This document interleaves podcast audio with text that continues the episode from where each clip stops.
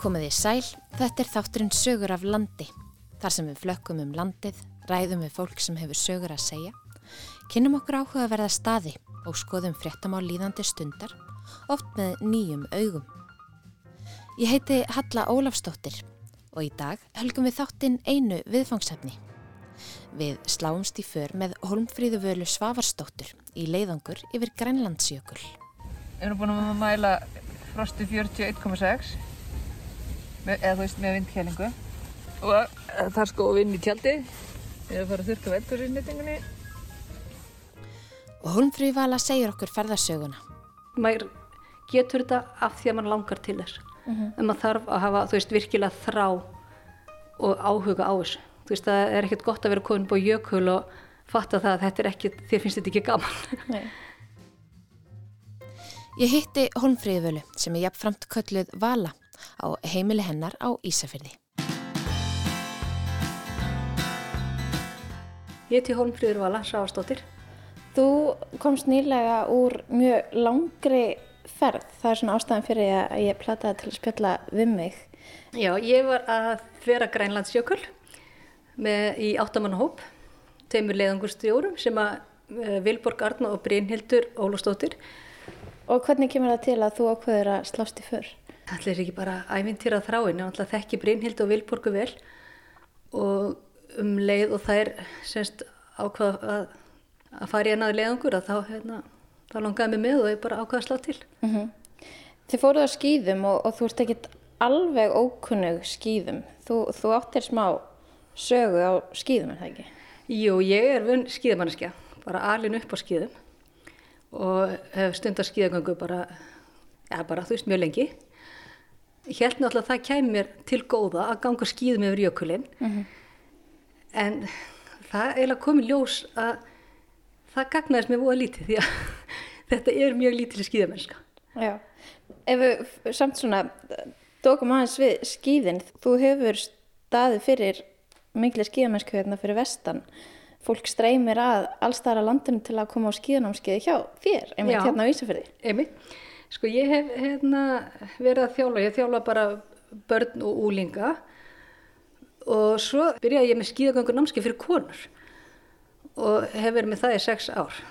Og, og svo náttúrulega líka fyrir kalla bættist þeir, þeir við en já, við erum með þessar skíða helgar sem undu heldur betur upp á sig. já, já, við, þetta átti bara að vera eitt námskeið fyrir hérna vinkonum mínar. Og svo bara spurðist út hvað væri gaman á gönguskíðum og, og það dörðu fleiri helgar og nú erum við með bara Hótel Ísafjörð allar helgar eh, frá janúar og út mars. Einmitt. En þetta var svona, það, það er vinnan mín. Já, En, það, það er vinna mín. en þetta var, þetta var svona æfintræmennskan og, og svo hliðaðir. Já.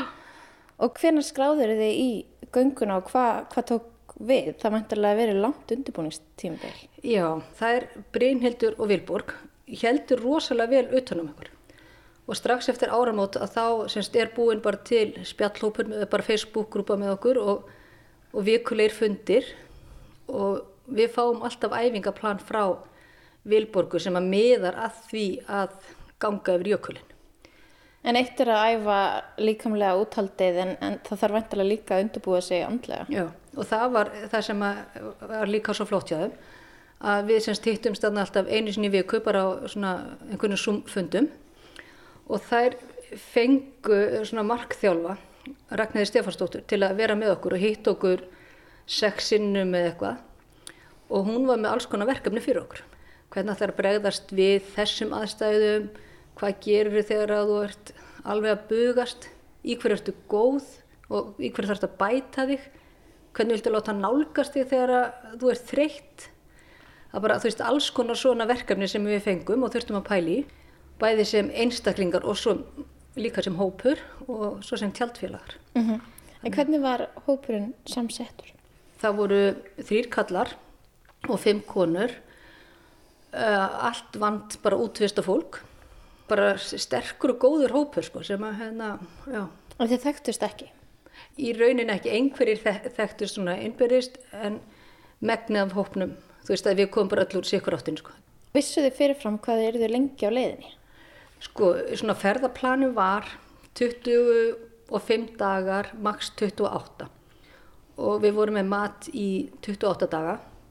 Og ég sagði alltaf sko þegar ég var spurð hvað er það lengi? Og þá sagði ég alltaf já, svona 23, 4 ég er með mat í 28 daga en ég ætla ekki að borða hann allan. Af því ég ætlaði ekki að vera svona lengi. Þannig að já, við, þú veist það var búið áætla svona tímalengdina. Hvernig lögðu þið svo í hann? Við fórum frá Íslandi 13. apríl sem er miðugudagur í Dimbilviku. Þá fljúum við til Núk og þaðan til Kangerlúsvak og þaðan er okkur kyrt á förstu deginum langa upp að jökli og þá löpum við að stað.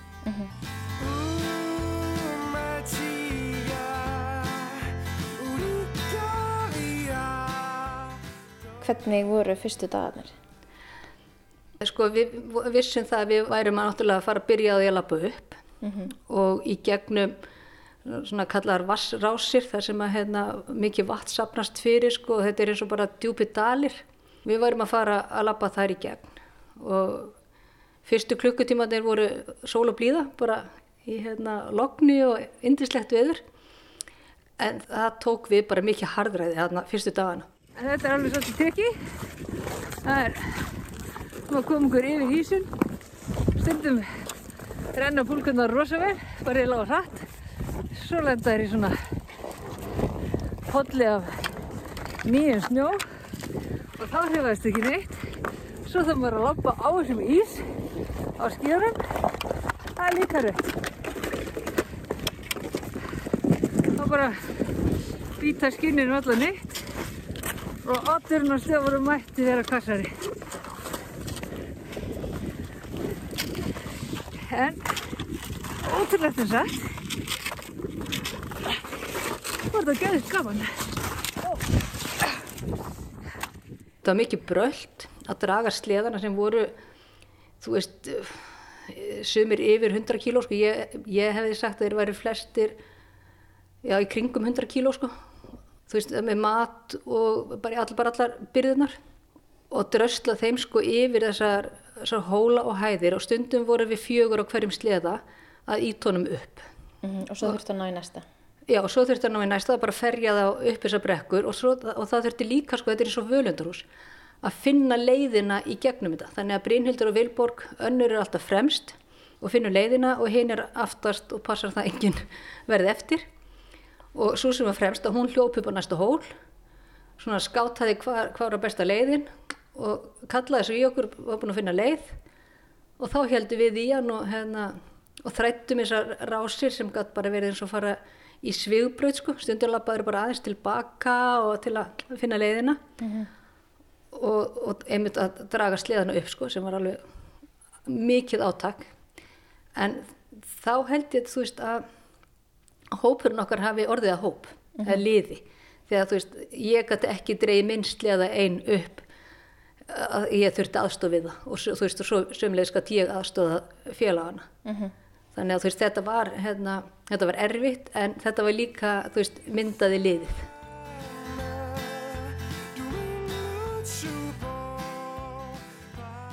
Já, þetta var alveg brekka, sérstaklega ein mjög lengt brekka sem við tókum á skíðunum. Eftir hann fórum við að, fórum bara á brotana. Og komum í náttstað. Það var svolítið bras að finna sér. Náttstað, eða þú veist hérna náttstað því að þetta er allt einhverju litli dalir og, og skorur sem við erum að þræða. En fundið svo fínan bara stað fyrir fjögur tjöld og gott að tjálta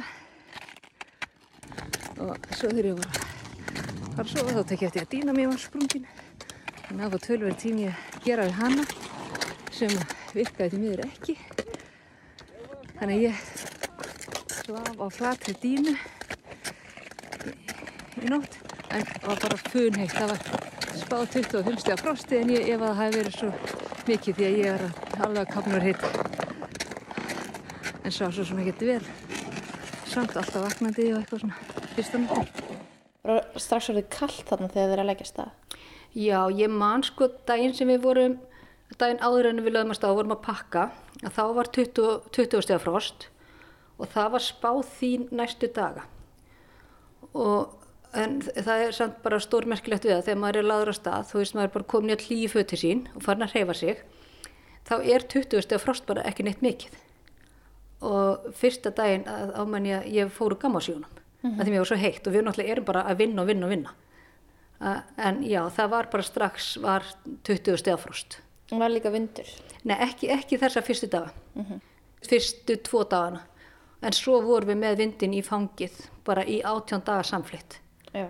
en það, þú veist, það er náttúrulega er eðli jökulsins við vissum það, við myndum ganga með vindin í fangið alveg upp að há bungu sko Já.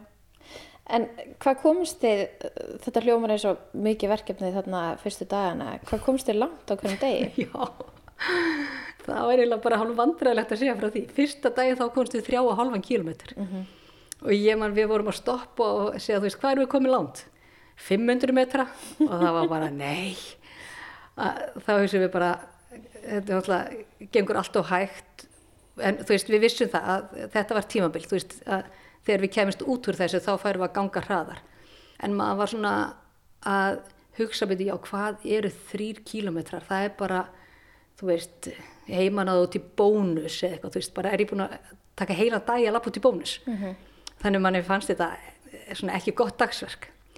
En miða við, þú veist, bara það sem við þurftum að gera, þá fórum alveg það var ágættur ræðið okkur. Já, þú tekur sjálfnast með þér 100 kíló að sleða út í bónus. Nei, nákvæmlega sko en, hérna, en svo, þú veist, næsta dag þá fórum við 5 kilometra og þannig, þú veist, það fór alltaf svona aðeins að sléttast úr, þú veist, fyrsti dagurum var stremnastur. Og þá vorum við líka að ganga á alveg blá ís og bara sleðarnir áttu öll með að renna til og velta og við fórum bara fljótlega úr uh, brottunum, semst við byrjuðum á skíðunum settum undir okkur skinnin og hérna löpuðum bara upp og svo sáum við bara fljótlega að þetta var það mikill ís að við vorum bara brottum í, vorum brottum í þrjá daga held ég. Og, og þá fórum við að þú veist að komast í almennlegan snjó Já. Og nú sem skoðan háttatími, við erum á tjálstæði fjögur, frýtt inn hérna. Og sennilega vegna þess að þetta er ekki gott tjálstæði, það er svo mjúkur snjór. Það er svo salt, tjálta í saltbunka. Svona duftkendur. Já, það er svona duft.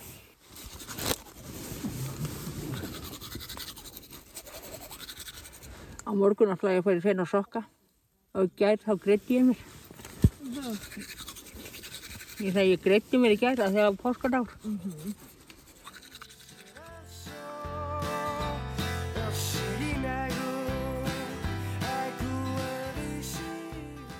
Það hefur þá verið ákveðin léttir að komast upp í snjó.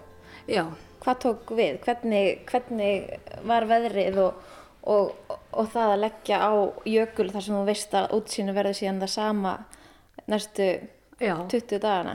og það var náttúrulega, þú veist, það var þannig við vorum alltaf að, þú veist, maður var að líta við og sá til lands. Og maður beigð eftir í að hætta að sjá til lands þú veist, og mann fannst þetta ekki ganga neitt að því maður var alltaf að sjá fjöllin bakfyrir sig. Sko, veturinn síðasti vetur á Grænlandi hefur, er sá harðast í 20 ár, segja menn. Og jökullin ber þess merki og það eru háir rifskablar, þetta er svona bara eins og öldur ót á vatni alveg glerharðir því að það var náttúrulega mikill kuldi.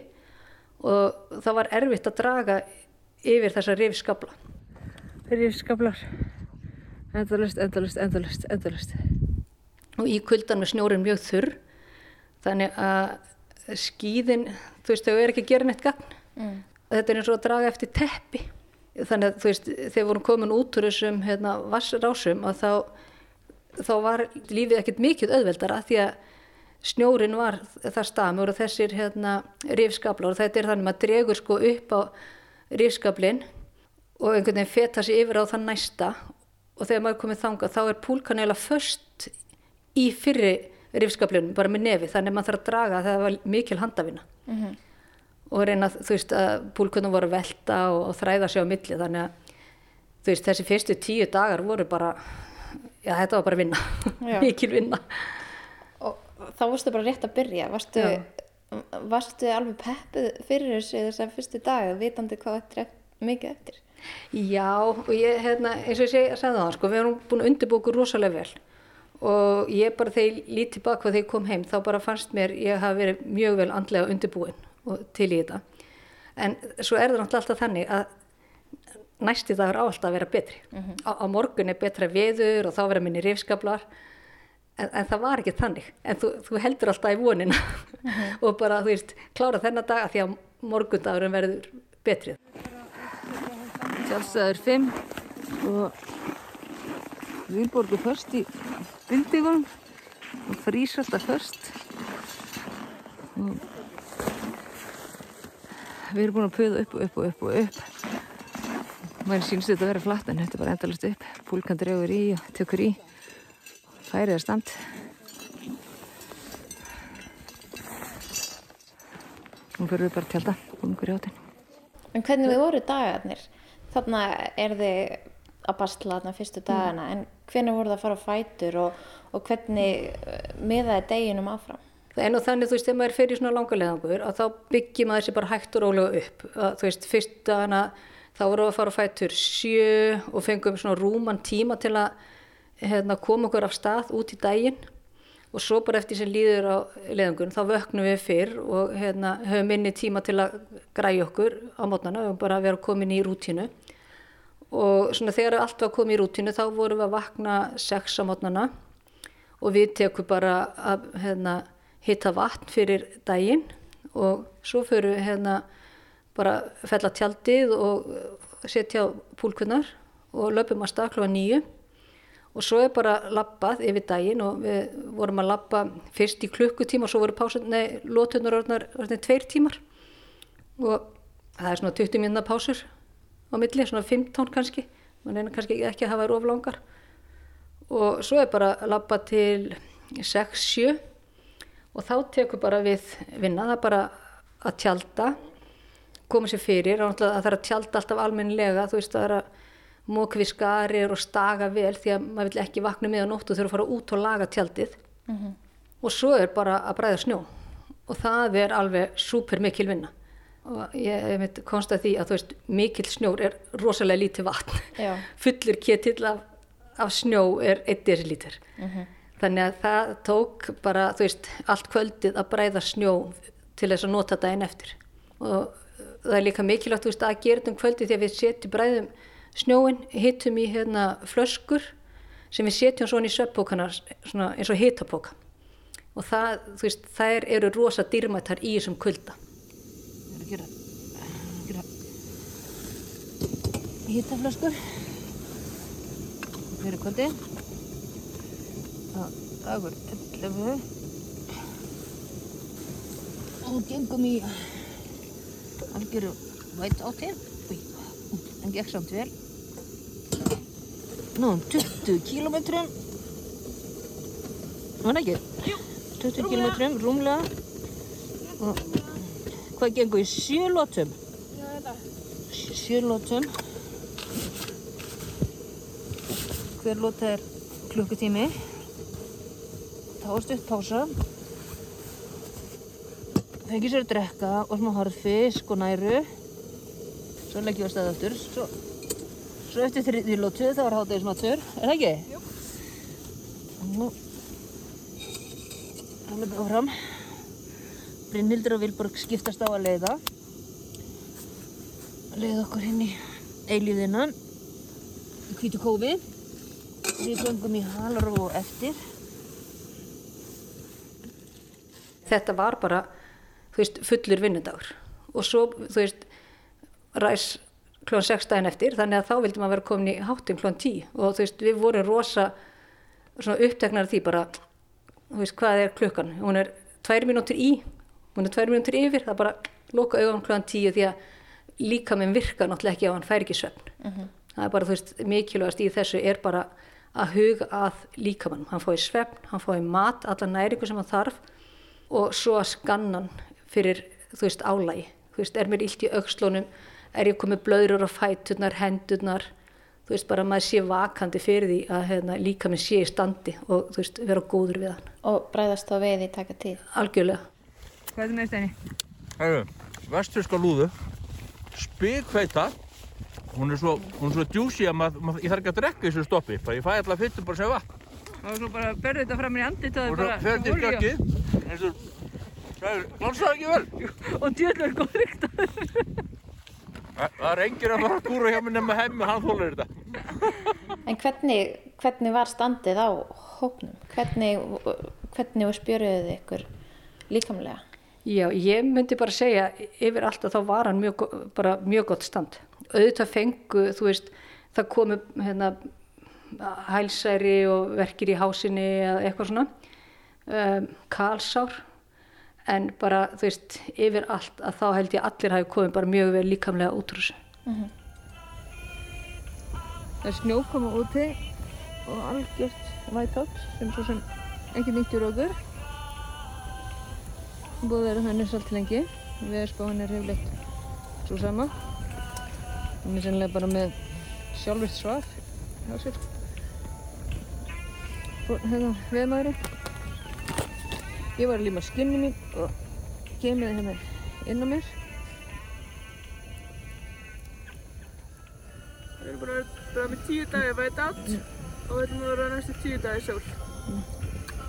og við erum búin að panta sér sól Ég er búin að senda og spyrja. Já, e- og pantaði það ekki? Já, bara...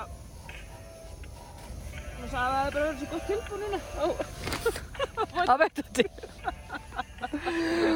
Ok eh, Þetta hljómar einhvern veginn svo rosalega stór áskorun. Af hverju, af hverju langar mann í svona ferð? Ég, ég, sko, hérna, það er náttúrulega bara, held ég ekkert svar við þessu, sko. Að því að maður getur það, að því að maður hefur tök á því. Þú veist, mér finnst þetta rosa mikil forréttindi að hafa tíma í þetta, að hafa heilsu í þetta og ég held, þú veist, að ef, ef maður ætlar að gera þetta, þú veist, maður getur þetta af því að maður langar til þess. En maður þarf að hafa, þú veist, virkilega þrá og áhuga á þessu. Þú veist, það er ekkert gott að vera komin búið jökul og fatta það að þetta er ekki, þér finnst þetta ekki gaman.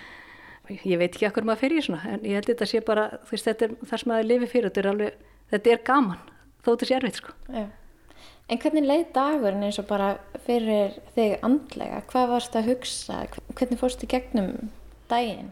Já, ég, hérna, fyrstu dagana að þá þurfti ég rosalega mikið að tala við sjálfa mig, bara segja mér, þú veist, bara hvað var að gerast þarna, ég var mjög upptekinn af, þú veist, þessari upplifun og mér langaði helst að vera með, sko, bara upptökutæki og tala stanslöst og segja hvað var að gerast. Ég náttúrulega talaði líka mikið við fólkið mitt, bara í huganum. Ég var að segja þeim hvernig þetta væri og hvernig mér liði og allt það. Þannig að þú veist, ég, ég tala mjög mikið sjálf á mig. og svo náttúrulega, þú veist, er maður bara, uh, já, reyna að koma sér áfram og svo er maður að syngja, sko, í hausnum. Við vorum eh, mörg, við vorum öll með eitthvað í eironum, þú veist, einhverja hljóðbóka tónlist og svona eftir hádegi stundum þá sett ég eitthvað í eironum var að hlusta á tónlist eða sögu en það var bara rosalega gott að vera ekki með neitt, þú veist, vera bara, þetta er svo mikið núvitund.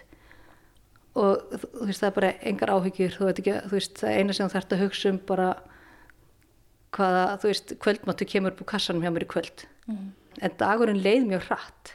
Þessar lótur sko sem voru frá klukkutíma upp í tvo þær voru mjög fljótar að líða. Þannig að þú veist þegar dagurinn var búinn að þá er svona bara að þú veist, mér vantar fleiri klukkutíma við erum ekki komin á langt. Já. En það lengdust veðalengdirnar dag frá degi. já já, þær, þær gerðu það. En svo þú veist sumadaga styttust þær á móti sko. Og Hvernig fór veðrið með ykkur? við bara í heildina lendum við mjög erfiðu veðri. Og Vilborg, hún fullir það sko að það, hún hafi aldrei verið í leiðungri sem hafi átt jafn fáa hérna góða við þetta við lendum mikið í svona snjóblindu, kvítablindu eða ég tíu hvað að kalla. Og það er bara, þú veist eins og þær segja að ganga í mjólkuglasi og þá þarftu bara og gengur bara eftir áttavita. Og setur bara, þú veist, horfir bara niður í snjóin eða niður áttavitan og það, það er engin mið þú sér ekkert mun á himni eða jörð. Og það er bara að hérna, koma sér áfram. Og þá, þú veist, þá komast við rosalega hægt yfir. Þá, þú veist, það er náttúrulega að passa að, hérna, að vera á slóðinni maður náttúrulega vandist kuldanum en þegar maður lítið tilbaka þá var alltaf mjög kalt. Það var aldrei undir, þú veist, ég maður tvisvar eftir að það hefur verið undir 20 gráð og annars skiptið var, þá voru 14 gráður og það var í klukkutíma. Já. og þú veist, og svo að því að vindkælingin er svo mikil svo eru komnir þú veist, 20 á hérna, mínus 20 á mælin en þá er það orðið 30 sko í vindkælingunni. Við erum búin að mæla frosti 41,6 með- eða þú veist með vindkælingu og eh, það er sko vinn í tjaldi. Við erum að fara að þurrka veldur í nýtingunni og það er bara fokking skítakalt út það er bara Hvernig voru næturnar? einnóttin var 30, mínus 35 en við náttúrulega, þú veist, maður veit alltaf á því að það er kallt á nóttunni. Og maður bara undirbýr sér vel. Og þú veist, maður er með hérna góðar eh, dýnur, gott undirlag. Sveppókin er, þú veist, þykkur og góður ég var með, til dæmis með sveppóka og svona flýspóka inn í honum og svo er maður með þessar hitaflöskur og þú veist, þessar nætur sem voru hvað kaldastar að þá man ég að þú veist að ég vaknaði bara svona í svit og kófa því ég var búin að búa mér svo vel sko, þú veist, í, í ullar nærfötum og, og með þessar hitaflöskur Já. og svona er hitt inn í tjaldinu sko. En hvað gerir maður ef, ef, ef dínan mann springur? Já, á fyrsta degi Já, dýna mín sprakk á bara fyrsta kvöldið og það var alveg stórt gat. Ég gæti gert við gatið en hérna það er sennilega verið annað gat þannig að ég var með bara flata dínu alla ferðina. En þú veist það kom bara ekkert að sök því að ég, er með fröð, fröðdínu líka undir. Og svo náttúrulega þú veist það er tjald og það er þetta bettingsfröðdínan og svo er dún inn í dínunni og svo lagði ég alltaf dúnbuksutum mínar undir og bara þú veist þau föt sem ég átti ágangs og einangræði þannig að þú veist það var þá ekkert nema að því að það var hart en þú veist það, það var, kuldi var ekki vandamáli í því sko En það hjælt bara áfram að vera kallt. Eh, hvernig, hvernig fer kuldin með til dæmis þessi svæði sem þú nærði ekki alltaf að hilja eins og þú þarft að nota fingurnar og þú, þú ert með andliti berskjaldar. Mm. Þurfum við ekki sérstaklega að hlú að þessum? Jú, ef við byrjum bara á tánum, skórnir eru náttúrulega bara kaldir eftir nóttina. Og þá, þá hitum við vatnið fyrir, ég er búin að hita mér hérna, vatn fyrir daginn og ég set þá onni í skóna til að hita þá eins upp. Þannig ekki með smá hiti í skóna. Og hérna, e, og svo erum við með skó hlífar yfir skónum og ég held að þú veist við gengum bara flesta daga í þeim. Og svo náttúrulega þú veist eins og með fingurnar að það bara maður tekur, má aldrei grípa í, í átnið þú veist vera með berar hendur, alltaf með bara þunna fingravellinga til að aðtapna sig út að borða nestið eða fara að sækja þér dót eða eitthvað. En ég semst klikkaði samt á því því að ég hef gripið sannlega í karabínu eða eitthvað og fekk kala á tvo putta bara vænar blöður og, og eins fekk ég þú veist kala á tætnar sem að hérna kom bara einhvern daginn, ég fór í kaldaskó og náði ekki að hitta mér upp. Og, en þú veist þetta þarf virkilega að passa vel sko, svo vorum við flest með hérna hvað heitir þetta svona handwarmers. Svona litla pókar sem við gáttum brotið upp og, og veittu hlýju. Þannig að þegar maður var þú veist virkilega kaldur og þá gátt maður greip maður í það, svo það var svona spari. Já. og, og svo var, hvað var þar andlitið að þá þarf maður einmitt sérstaklega að passa það bara nefið og kynnaðar við vorum með svona kuldaplástur sem við notuðum mikið. Og svo bara lampúsettur þú veist upp fyrir nef eða buff og glerun maður má ekki vanrækja þetta sko því að bæði náttúrulega vill maður koma fallega tilbaka og ekki vera bera þess merki alla æfi að hafa gengið hann yfir. En svo líka þú veist ef að koma sár þá geta komið sýkingar og þá getur bara leiðangurinn verið búinn. Já. og það er þú veist þegar maður fær einhver sár hvort sem það er hérna, hælsæri eða hvað sem er þá þarf maður að huga rosalega vel að þessu. Þú veist, að halda þessu hreinu, þurru og svona miklu meira heldur en að maður væri bara heima hjá sér.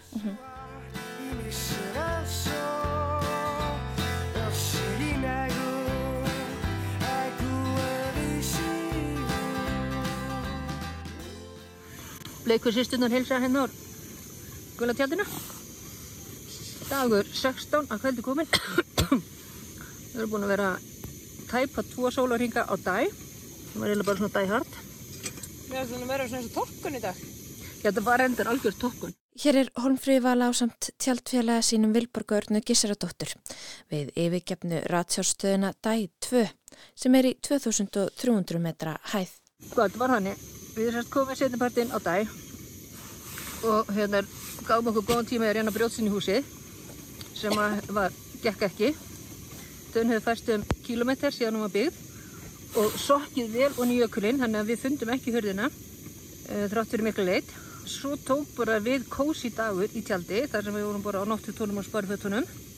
Uh, svo var bara dagurinn tekinn snemma í morgun, morgun og við hérna, tókum við tjaldið og bara öll þessi venjulegu morgunverk, pissakúka, hitta vatn og við ætlum að vera tímilega í því og, hérna, og leggja á stað en töfðumst um tvo tíma já, það er ekki að setja smjör í þetta Já, má alveg gert það.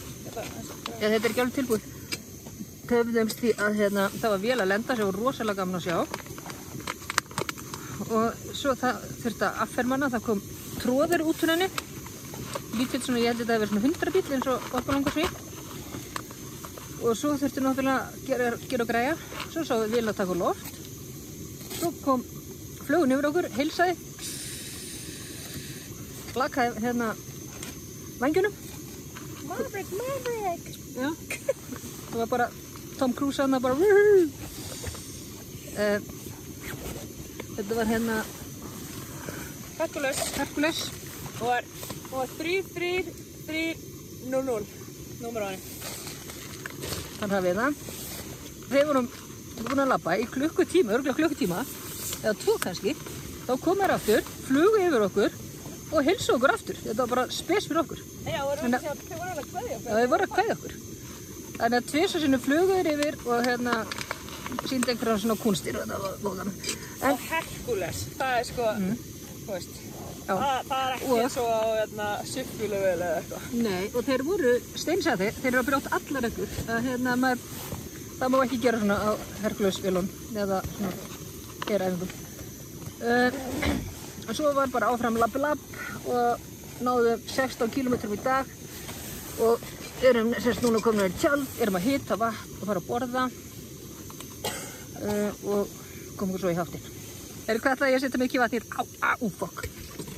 Einhver er að brenna sig.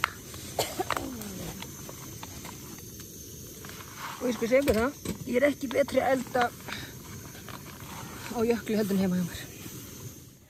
En svo eru bara svona hverstaslegi hlutir sem hljóta að hafa verið flóknir. Þú nefndir vatnið, en hvernig var til dæmis bara að fara á klósettið? Það er náttúrulega, hérna, er ekkert sérlega spennandi, sérstaklega þegar frostið er orðið mínus 42 eða, hérna, ég bara, þú veist, þegar er vindur úti. En það er bara, þú veist, það sem að þarf að sinna. Og en á nótturinn til dæmis þá bara þá pissa maður í flösku til að þau ekki að fara út og það kann líka verið vesinn því að það bara fröys kannski strax og maður dröslaði pissinu sínu í þrjá daga þannig að það þiðnaði upp áttur en að fara, þú veist, þegar maður þurfti að fara að gera meira þá gerðum við það til dæs bara á mótnan að við feldum tjaldið. Já. að þá var bara hérna, útbúin kamar úr fortjaldinu til þess að þau ekki að vera hérna, bera sig hérna út í frostinu. Þetta er greinilega líka svona önnur viðmið sem maður á með tjaldfélögum sínum, heldur en svona kannski venjulega eitthvað í tjaldútilegu á Íslandi. Já, það, það, það verða fá leyndamál sko í tveggjamanna tjaldi í 30 dag og þá finnst mann þetta bara e- ekki neitt mál sko. Nei. Þetta er bara eðlilegasti hluti en, hérna, en eitthvað sem maður hefði kannski ekki gert heima hjá sér. Því að maður ætlar að fara að vera eitthvað spjörhættur að það kostar bara vesen. Og ég held að hérna svona einhver hégómi og spjörhæðsla á ekkert heima í svona leiðangri. Nei, og ekki sturta og Nei, náttúrulega ekki styrta en hérna, við erum með blöytþurkur sem að hérna, svona á tillidögum sem maður afþýtti, já. setti hérna undir prímusinn og þá gæti maður þrifið sig og hérna, eða gemd hún í sveppókanum til að hérna hlýja þær. En það er bara, þú veist, líka minn er svo magnaður að hann bara sér um þetta sjálfur sko þegar hann er búin átt að segja því að það er ekki styrta í búði. Nei. Að þá En bara, það er veist, kannski ekkit svo langt síðan fólk var að sturta sig hjá mikið og gera Já, daglega, nei, nákvæmlega. Og svo er náttúrulega, þú veist, alltaf með húfu, þú veist, maður tók ekki húfuna niður í 30 daga, þannig að svo sem hárgreðslan eða fitta í hári skiptir ekki máli. Þannig að þú veist, ég held að, hérna, að það var ekki aðalmálið, sko. Það komast ekki sturt. Auðvitað var það næs en það var ekki eitthvað sem að beigð eftir Nei, ymslegt annars er skiptum meira máli.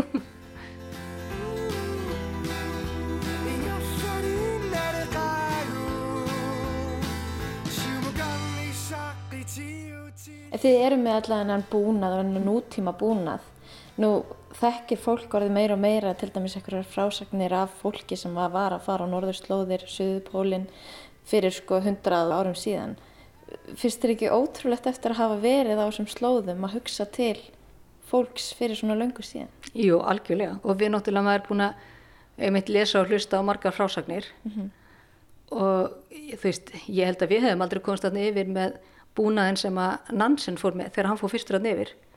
Að við hefum bara dáið fyrsta daginn sko.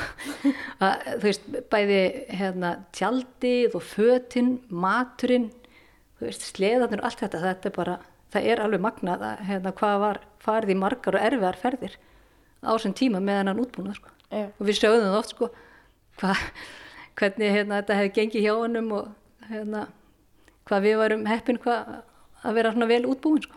En þið genguð í átjón daga á móti vindinum upp á hæsta punkt. Já, Hvernig var að ná hæsta punktinum? já, sko hérna, það var náttúrulega við hérna vorum búin að býða eftir því, við vorum með svona uh, markmið, fyrst var að komast hérna náttúrulega í gegnum innan bláís, svo ætliðum við að komast upp að hérna þessari ratsjárstöð sem er þarna. Og og þá vorum við búin með mestu hækkunna og þá átti að vera svona aðeins aflíðandi upp á hábungu. Og þá gáttum við að fara að renna okkur niður. Og það var náttúrulega gríðilegar áfangi að vera komin upp á hábungu. En það var ekki, hérna, það var ekki það sem við heldum, eða það beigð okkar ekki það sem að við heldum að myndi býð okkar. Því að við bara heldum áfram að ganga upp í móti fannst okkur. Snjórin er svo þurr og hann er svo kaldur og þessi rifskablar gera það verkum að þér finnst þú alltaf vera að ganga upp í móti. Og ég man að þegar voru 35 km eftir af leiðangrinum, 35 km eftir í mark, þá var ég ennþá að tósa sliðan. Og ég hugsa bara, þú veist, er ég ennþá að ganga upp í móti? Þannig að hérna, okkur, svona mín upplifum var að þú veist, upp í 2500 metra hæð sem var hæðstu punktur og niður í 1300 metra þá var ég að ganga upp í móti þú veist, alveg, þá var ég alltaf að tósa púlkuna að því að, út af þessum rifsköplum alltaf að tósa tósaðu upp Þetta er bara martröði hvers fjallgöngumanns. Já, og þetta var bara, þú veist, og við sáum alltaf, sko, þegar við getum að fara að renna okkur niður og sá í svona hillingum, taka skinnið undan, en það bara, það gerist ekki fyrir voru 30 kilometrar eftir. Nú er fyrstagurinn 13. Fyrstagurinn 13. og við þurfum að klára þetta fyrir veður og sunnudag sem á að koma inn á sunnudaginn. Já. Það er líka Eurovision. Aðlega Jórasjön. Hvað eigum við eftir? Við eigum uh, 77 km. 77. 77, já, Þetta segir er þú. hérna með hækkandi sól. uh, Hérna, Ég segi 80. Þegar við áttum 65 kilometrar eftir, þá ákvaðum við að klára þetta. Að hérna, það var von á vondu veðri sem hefði tafið okkur upp á jökli í tvo daga, mikil snjókoma, snjóblinda og við áttum eftir að ganga niður af jöklinum sem að hérna í gegnum svona sprungusvæði. Þannig að við vildum ekki vera á jöklinum þegar að veðri kemi og við ákvaðum bara að gefa í og hérna lögum að stað þarna nýjum morguninn á lögadagsmotni og svo uh, á miðnætti eh, þá áttum við eftir 30 kilometra og þá voru hérna voru við búin að ganga hann já, allan daginn og allt kvöldið og vorum ansið þreytt. En ákvaðum samt að, hérna, halda aðeins áfram. Og þegar við fundum reynsli þannig að þessi 30 kilometra að þá lifnaði yfir okkur. Og hérna svona, við sáum fram að við getum klárað þetta. Og við gengum alla nóttin inn í tunglskinnið og þetta það var alveg það var magnaði tími að ferðinni. Því að hérna auðvitað vorum við að flýja veðrið en við vorum þú veist þó að við hefum ekki verið að flýja veðrið þá hefði ég samt vilja að gera þetta.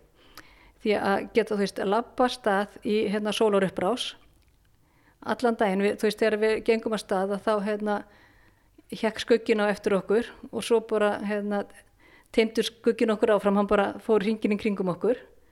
Svo komið bara miðnætti og tunglskinn við gengum alla nóttinu bara í geggi og það var reyndar mjög kvast og svo bara þegar vorum að klára þá var sólin að rísa aftur. Og, og þetta, þetta var svo magnað að upplifa þennan sólaring á jöklinum. Já. Þess, þú veist þessi e, ljósaskipti, þú veist sólin að setjast og koma upp aftur að ég hefði, hefði alltaf viljað gera þetta svona þó ég hefði ekki verið að flýja veðrið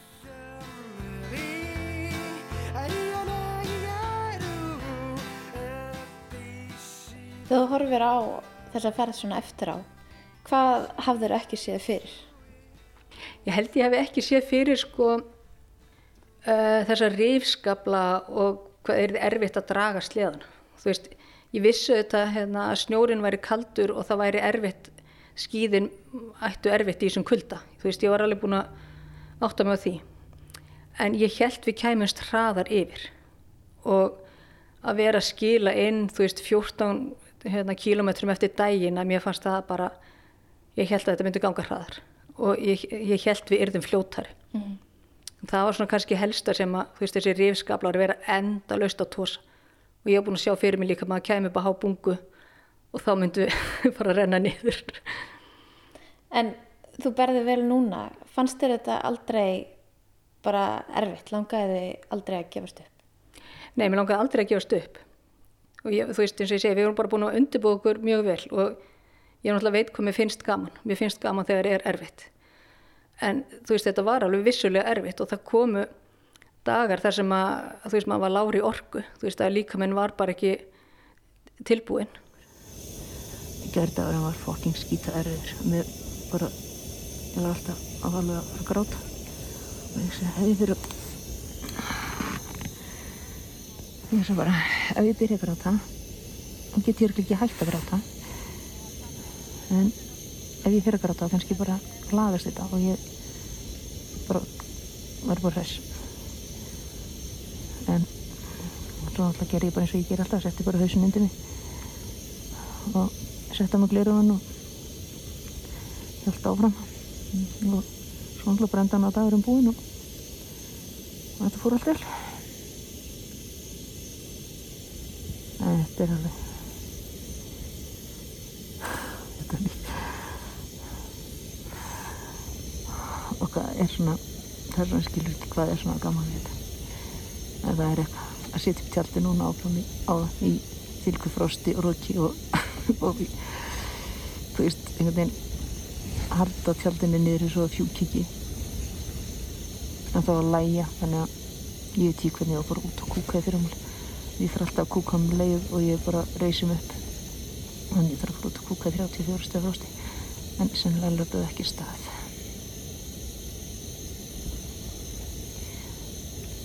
Alveg, eins nefn á vennilega en ég vona orkan bara að lýsa hjá mér. Og það er svo leiðilegur þegar maður er orkulasa Já, tímabili átti ég erfitt með að nærast og ég fann það alveg að þú veist, ég hefði þurft að borða meira en ég gerði. En, og þú veist, og það er, mann veit náttúrulega bara, þú veist, þetta er, stóð, þetta er áttamann hópur og þetta eru margir dagar, einhverjum tímanpunkti eiga allir einhvern lágpunkt og við vorum alveg búin að undirbú okkur undir það. En það var aldrei þannig að maður hugsaði bara, hú, ég, hérna, vildi ég væri heima eða, þú veist, getur ekki þyrlan sótt mig eitthvað svoleiðis. En alveg, þú veist, klárlega var þetta oft erfitt, sko en maður bara var svo svakalega fljóttur að gleyma. Já. Og þið hafið staðið saman í þessu bara áfram og, og haldið þau sem hópur? Já, já, við hérna, þú veist, auðvitað í stórum hóp, eða kannski ekki risastór, en í, þegar þá kemur alltaf eitthvað upp og hérna, og það missir einhver hausinn og þá er bara, þú veist, gripið inn í og félagarnir reyna aðstóða og, en hérna, ég held að, þú veist, í heildina var, vor, voru við sterkur hópur, sko, en ég held að sé, það sé eðlilegt bara að, í löngu leðangri að hérna, fólk einhvern veginn bugast og finnst þetta að vera bara ómikið. Já. Langar bara að fá þyrlunum til að sækja sér. Já.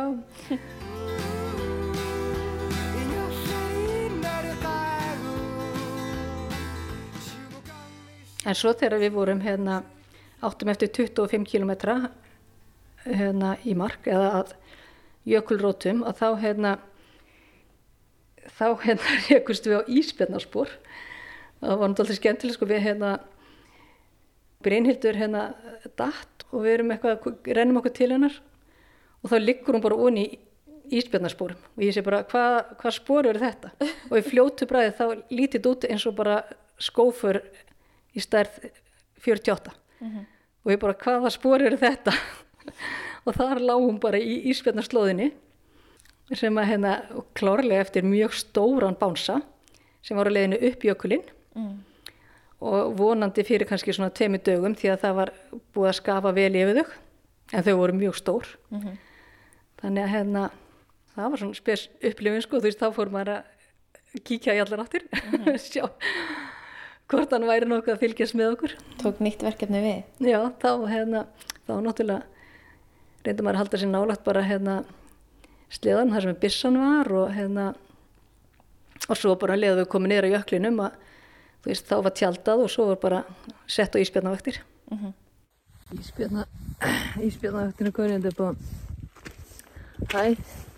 Hæ sem ég hef ekki enda að lappa upp og því það var alltaf bara allt í whiteout en nú er ég komin hér og oh my god hvað þetta er allt fallegt þið trúið ekki. Hverju úti þarna er bara engu líkt. Og landslæði þetta er bara amazing. Hér er við sem svona vera síðan á sundarsmorgun og, og sáum hvað við vorum þegar við komum en svo bara þyknaði upp og búið að vera svart og þoka síðan þá. Átt að sækja okkur á bát en hérna það var svo mikið hafís að það var ekki hægt að koma á bát þannig að við átt að koma að þyrla en þá var náttúrulega veðrið skollið á þetta sem við vorum að flýja og þyrlan komst ekki þannig auðvitað að býða tvo daga og þá stóðum við bara í spjarnavakt tveir í senn og hérna í tvo klukkutíma mm -hmm. og hérna og svo sváum við bara þessa milli Já. og kvildum okkur Hvað voru þetta síðan margir dagar og hvað voru þetta margir kilómetrar?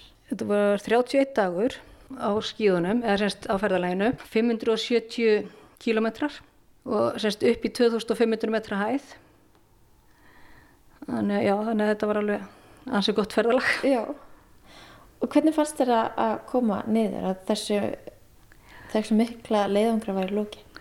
Já, ég eiginlega fann ekkert fyrir því fyrir ég að bara komin heim hinga til Ísafjörðar af því að þegar við komum niður á jökli þá vorum við ennþá bara að standa íspjarnavakt við vorum, hérna, ég var ekki komin í netsamband til dæmis, þú veist, ég var ekki komin í ég gætt ringt í fjölskylduna svona stundum og stundum ekki það var svona eitthvað stópilt samband aðna og veist, maður var, var náttúrulega ennþá bara í tjaldinu sínu og þannig mér fannst ég bara ennþá verið í leðungrunum mm -hmm.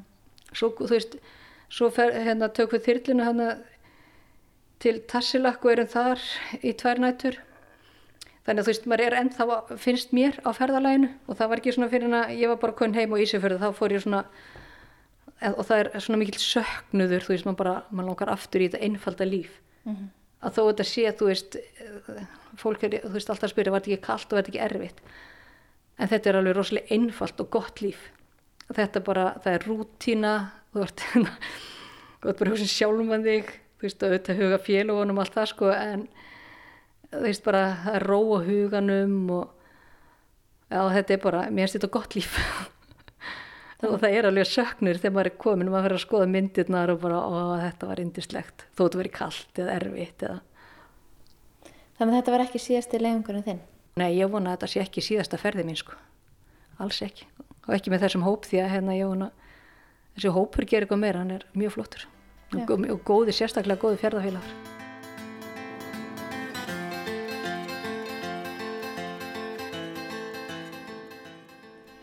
Ekkur sagði að þeir hefði tekið svona stórar ákvarðanir um, um, um breytingar á lífi sínu í ferðarlæginu Tókst þú ykkur á stóra ákvæðanir? Nei, nei ekki þannig en hérna, þú veist auðvitað er maður bara endalust að hugsa og hugsa og tala við sjálf um sig sko. En, og þar sem maður, þú veist, maður, maður finnir svo stert umhyggjun og væntumþykjuna og hvers, hvað hérna, hvers maður virði er í lífi fjölskyldunar og, vina og bara fólksins í kringum hann. Allar kveðjurnar sem maður, maður fekk og hvað allir voru gladir að, að sjá mig aftur ég, mér fannst það svo magnat að þegar að þú veist fræntfólki mitt var að, að, að faðma mig og segja mér ég er svo, svo glöð að sjá því aftur. Og, og það var svo gott að komin heim. Og, og það var svo indislegt og auðvitað hugsaði maður, þú veist sérstaklega til fólksinsins þegar maður var á jöklin veist, bara hérna hvers virði þau eru og hvað eru þau að gera og allt þetta Já, nei, ég tók engar stórar ákvarðanir þannig sko, en ég, mér fannst hérna þó maður veri, veri langt í burtu þá tengdist maður fólkinu sínu vel. Gangið vel með næstu æfintýri og þakka að kella ykkur spjalli Hólfríður Vala Svafstótt. Takk fyrir.